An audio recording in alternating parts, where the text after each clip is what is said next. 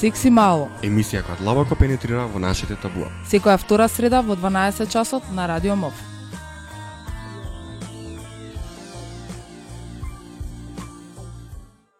Здраво! Здраво и од мене, уште една среда со вас, повторно во помал состав, Маце и Јани во студиото. Така ни налагаат работите нас и мораме ние да ги следиме нели животниот тек. И нема врска, ние пак ќе се дружиме како да. Ќе споделиме определени информации интересни со вас, барем се надеваме да ќе бидат интересни, пошто за нас беа занимливи додека ги ги баравме, ги, ги гуглавме.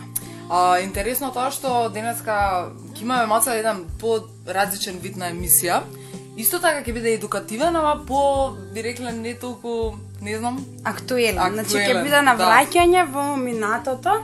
Значи ќе зборуваме за тоа како се користеле контрацептивни средства и дали воопшто се користеле во минатото со акцент на употребата на кондом. така. И уште би додала извини денеска ќе биде час по историја Буквално. или ќе биде дали знаевте дека Така, значи ја би почнала со тоа дека Потребата на контрацептивните средства меѓу луѓето е присутна уште од најстарите времиња. Дури некои историчари и археолози тврдат дека предисториски слики прикажуваат употреба на некој вид на кондом. Нормално сега кога зборуваме за Така, минато и за кондомот, не е кондом во во денешна смисла на зборот, меѓутоа да, форма, она, како како што што е ја денес, знаеме. да. Хорски. а, значи, не во денешната форма, меѓутоа нешто налик што личело на кондом. Например, такви а, праисториски цртежи има во пештерата Комбарел во Франција, каде што сликите се стари помеѓу 12 и 15 илјади години. Сепак, помеѓу самите историчари, помеѓу самите археолози, има се уште активна дебата дали тоа е или не е слика на, а, нели, на употреба на кондом. Така, ја верувам дека извини, ја верувам дека човекот со својата интелигенција, интелект, дека уште од тоа време онака мисел на тие работи и мисел што да направи или како да се заштити превенција, па мислам дека ја верувам дека може би е вистина. Исто и јас се согласувам са Ани. А, паралелно на тоа, има цврсти докази кои покажуваат дека кондомот се употребува во Египет уште во 1000 година пред новата ера. Значи, овие кондоми, пак ќе кажам, не биле како денешните кондоми, туку биле кондоми кои што биле направени од лен. Исто така кај другите антички цивилизации вреди да се спомена, кај грците, кај римјаните, зборуваме за античките, нели грци и римјани, постоеле најразлични контрацептивни методи. Некои биле ефикасни, некои не биле ефикасни, например се користеле амајли и слични Да. работи. Меѓутоа, сепак контрацептивната улога била придавана само као обврска на жената. Значи, жената била таа која што требала да се грижи за да не остане бремена и слично. Мажите, како еден вид на контрацепција во тоа време, практикувале анален сексуален однос, иако нели станува збор тука само за прекинување, за, за избегнување на непланирана бременост, не за преносни инфекции, и употребувале прекинат сексуален однос. Да бе таа абстиненција, што Или кратко абстиненција, наречена. Да, меѓутоа не верувам дека никој би би абстинирал, значи баш затоа и се, Да. се, се осврнувале кон анален сексуален однос, значи каде што жената, алтернативи, да, да, жената да. не може да остане бремена или го прекинувале сексуалниот однос, контрацептивен метод кој што ден денес се користи така, кај да, нас. и до ден денес сакав тоа да кажам дека се уште некои работи одредени ето од минатото се Така. применуваат денеска. Меѓутоа ние не го Така да. препорачуваме нели како Да, метод на контрацепција избор. А, исто така, тука веќе кога започна со воведот убаво го ела, изле, елаборира целиот дел, Фала ти, Ани. ќе ќе се навратам на една легенда од Минос за во врска со употребата на контра, контрацептивите. Оваа легенда вели дека врз Минос било фрлена клетва која предизвикала негова, неговата сперма да а, содржи змии и скорпии. За да, за да ги заштити своите сексуални партнери, партнери Минос решил да употребува мочен меур од коза како женски кондом. Значи, баш така. Нешто што денеска, нали, кога ќе збориме малце покасно Да. за женскиот кондом, ако никој Нешто не, налик не на тоа, баш. Да, баш нешто налик на женски кондом, односно мочен меор. Доказите за употребата за контрацептивните средства и кондомите, нели? Не постојат помеѓу 5 и 15 е, 5 и 15 век, пардон. Во овој период зама взема и католичката црква и ова е нормално, не, нели католичката црква на секаде се меша и во сите тие работи кои што би ги наре- нарекла сатанистички според да, неа. според неа, како Да. користење на контрацептивни контрацептивни средства. средства, па дури нели сексот го забранува во одредена мера и слично. Така да што е нормално да се вмешала. А, сепак во мусиманските и еврејските списи постојат одредени делови кои се однесуваат на употребата на машки контрацептиви. Например, премачкување на пенисот со катран или пак употреба на сок и се, сок и седокот кромет. А, овие списи постојат а, овие списи постојат и некои докази за употребата на кондом, но тие не се многу јасни и матни. А, исто така во овој период има докази за употреба на кондомот во Азија.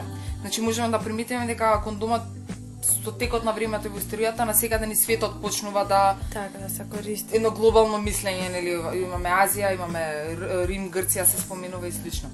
А, нели во Кина исто така се употребуваат кондоми која при- која прикривале само главата на пенисот, направени од подмачкана хартија од свила или пак јагнешки црева.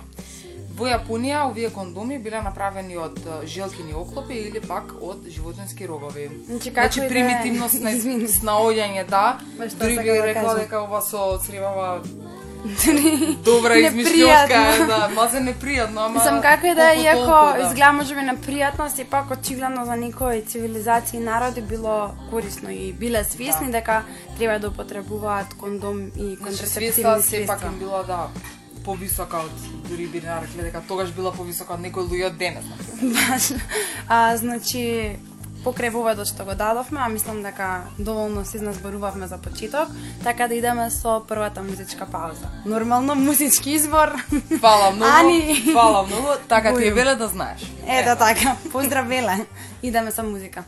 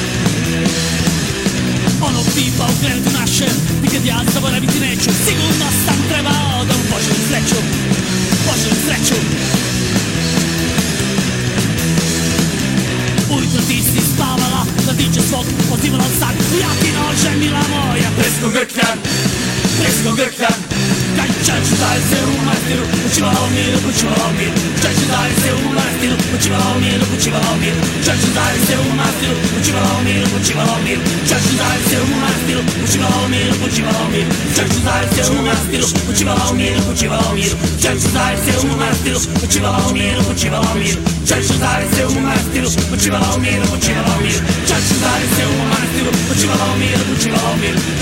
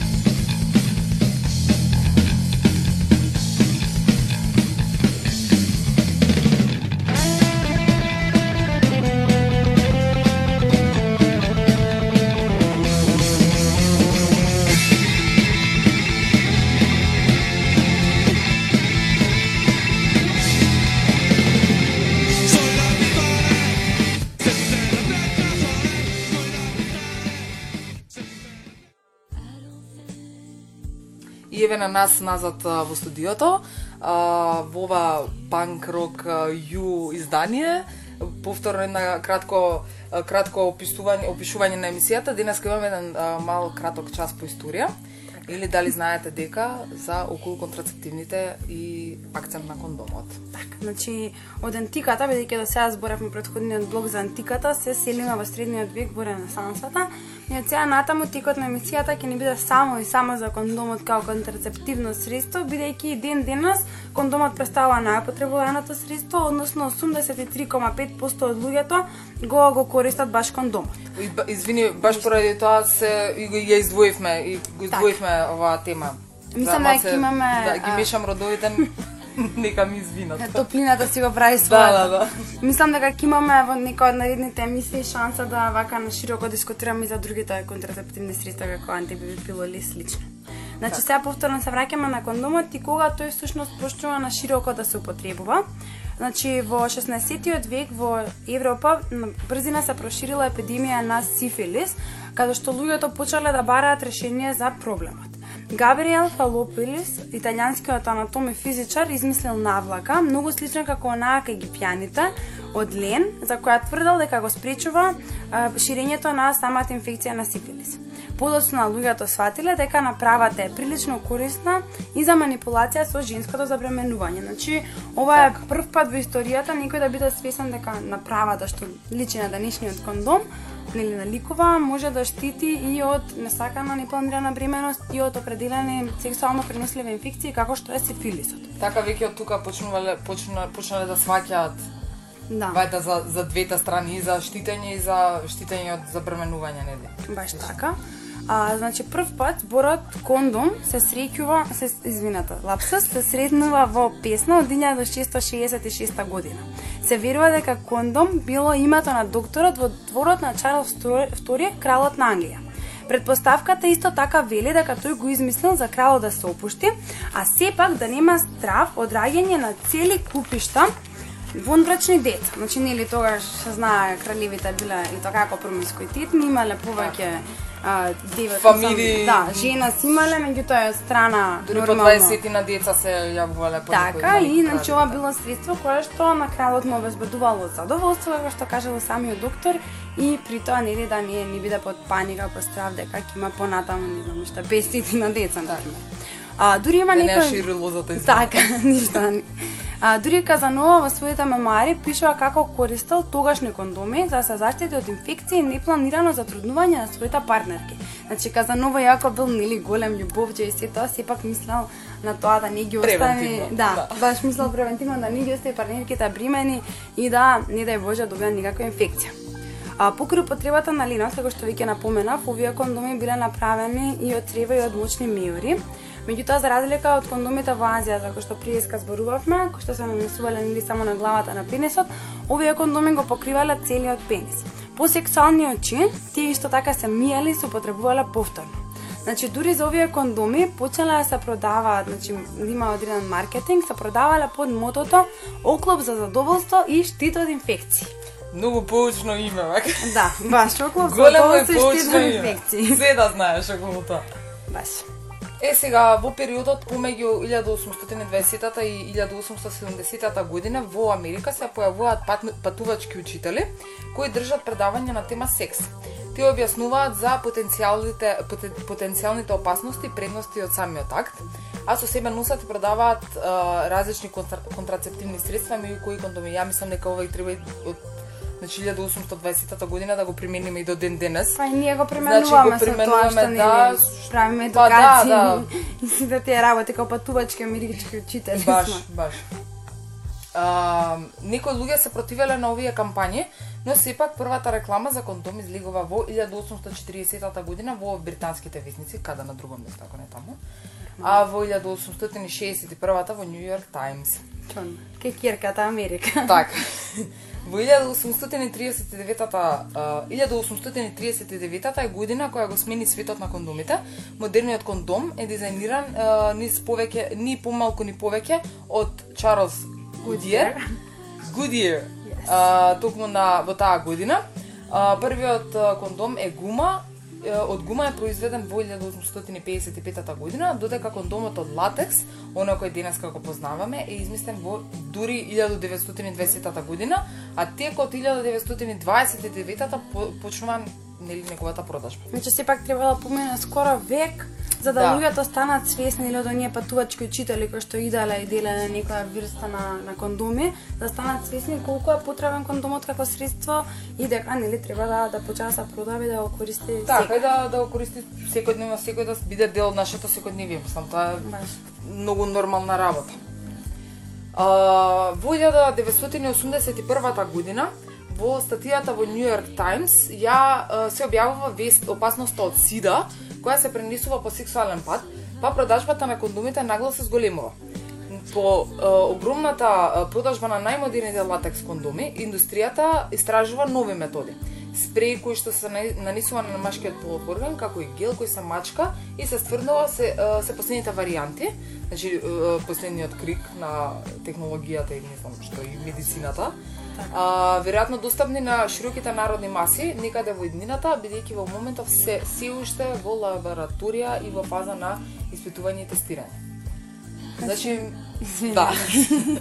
Ја немам уште нешто посебно да додадам вака историски во однос на контрацептивните средства, посебно во однос на кондомот. Мислам дека опативме така добар дел од целокупната да, човекова историја. Доста, да, и доста голем дел со а, пошто историски нели со години и со слично.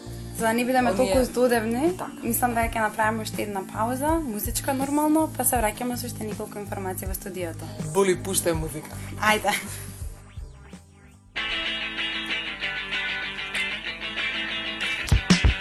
Stati pappagai, te lo mangio sono giuro stati pappagai Per mi sposto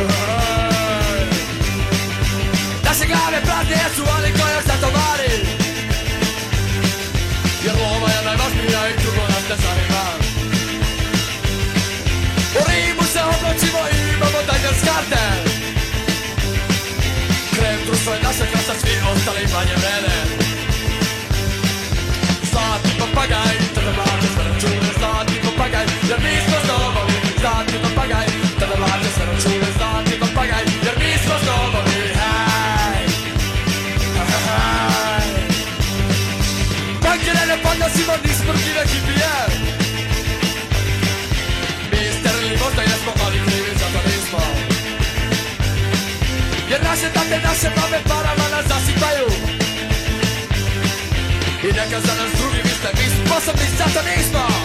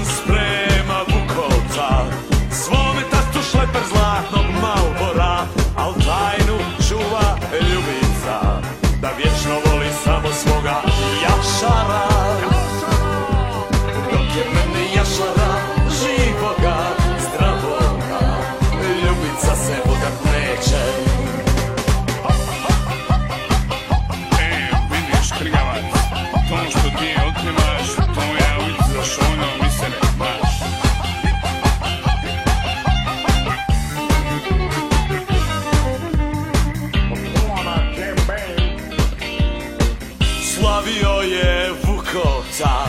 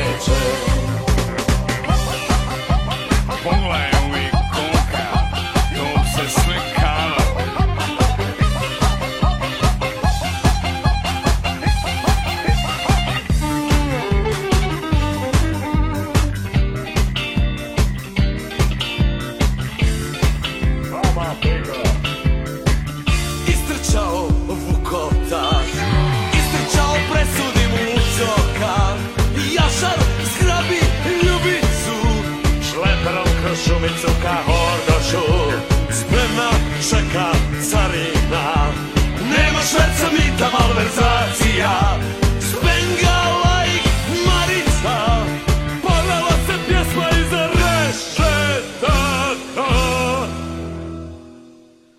Dok je mene jašara Živoga, zdravoga Ljubica se udat neće. Dok je mene jašara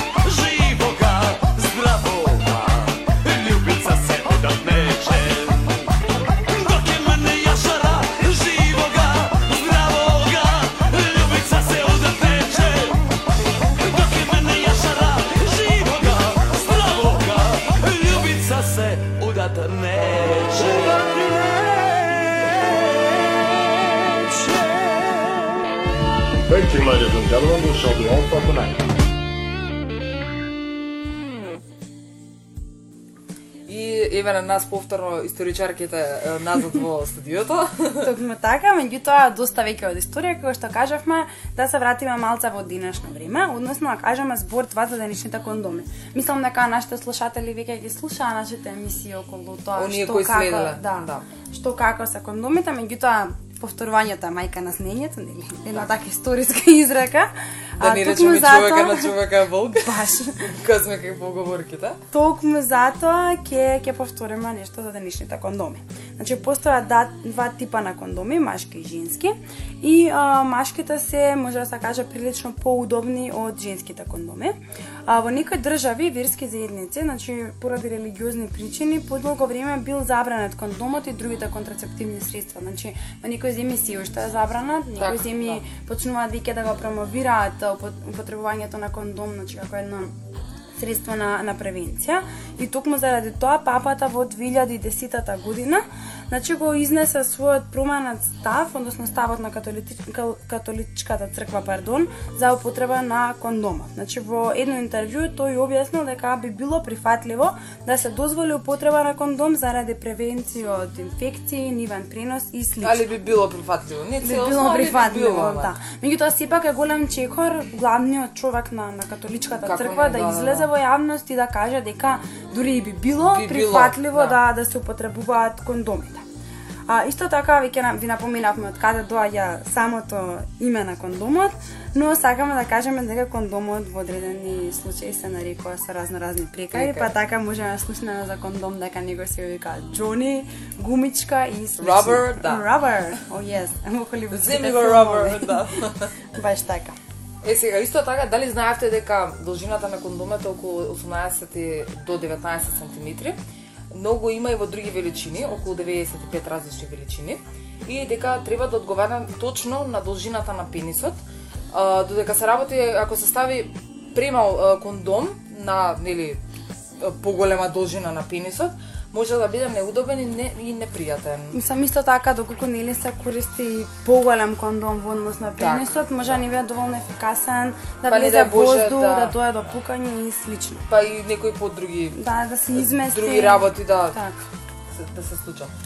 А, скоро сите машки кондоми, веќе кажавме, се направени од латекс, но може да бидат создадени од други материјали за оние кои се алергични на латекс. Токму затоа, значи секој еден има шанса да да користи кондом и да. не треба на некој да му биде изговор дека тоа што кондомот е направен Да. од латекс, дека он е алергичен и не може да го користи.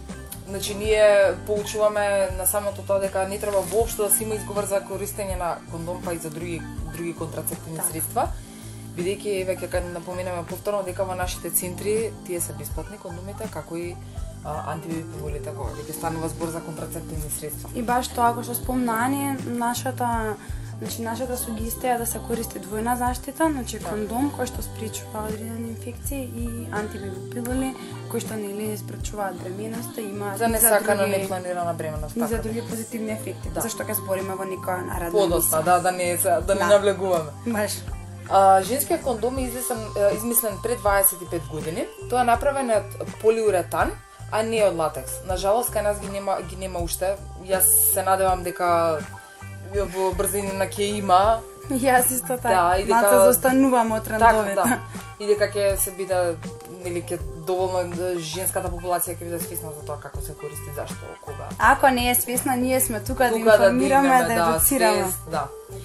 И на крај да не забораваме дека кондомот и само кондомот е единственото средство, мацо, значи, Така. кое не штити од кое нас не штити од непланирана брем- бременост и сексуално преносни инфекции, вклучително прво ХИВ и СИДА.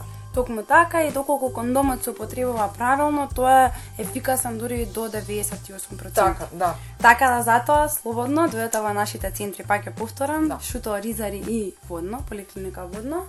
Значи може да се земете бесплатни кондоми, може да се земете бесплатни антипилули, доколку имате нешто да прашате, да се информирате, слободно контактирате Да. на Twitter, на Facebook, на мејл, отворете го нашиот веб пејдж, така да Има, да, има доволно а, средства за комуникација, мислам дека. и како да Да, најдете да. и да добиете бесплатни контрацептиви. Јас мислам дека тука со овој крајен дел ја заокруживме денешната емисија и се надеваме дека бивме интересни и дека и следнат за две среди. Пардон, ќе не слушате повторно. И дека не сме имаат се досадни онака. Дека сме Слободно, добри. слободно дајте исто така, слободно нека мислење доколку имате во врска со емисијата, пак ќе напоменам на Facebook, на Twitter, каде ви е полесно. Хаштагот на Twitter ни е секси мало, така да пишувајте, па се Ние ве следиме. па слушаме, читаме. за Така. Чао. Чао.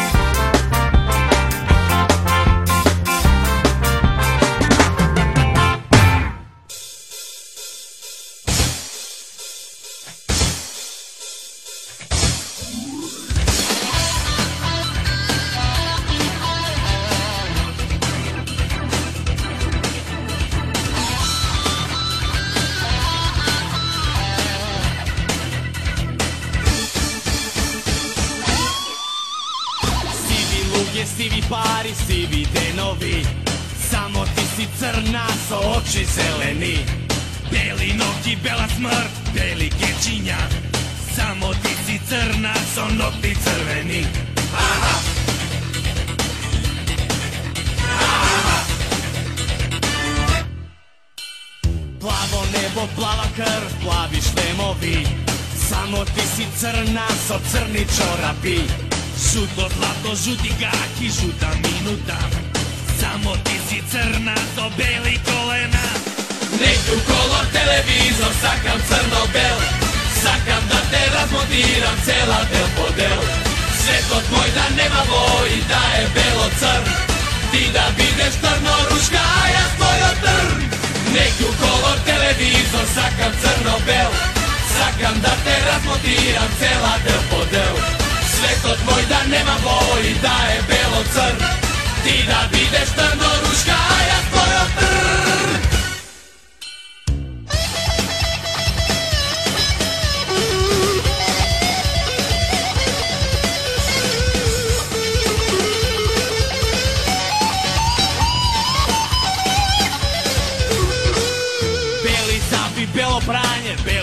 Пратники што смрдат бела куќа и комшисите нахајна што прдат. Модри сливи, модри вени, модри модрици, модри подошњаци, млади помодрени фаци. Аха!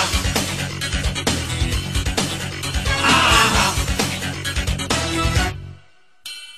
Розе чипка, розе чаша, шише со розе таблети, розе вино, розе светло, кај тебе докато свети. Ти си црна, јас сум Никој будат Тебе ти е стално толку мојве нозе ке ти студат Меѓу колор телевизор сакам црно-бел Сакам да те размотира цела дел по дел Светот мој да нема бој, да е бело-црн Ти да бидеш трно-рушка, а јас колор-трн Меѓу колор телевизор сакам црно-бел Сакам да те размотирам цела дел по дел Светот мој да нема бој, да е бело ти да видиш Трноружка е твоја трн.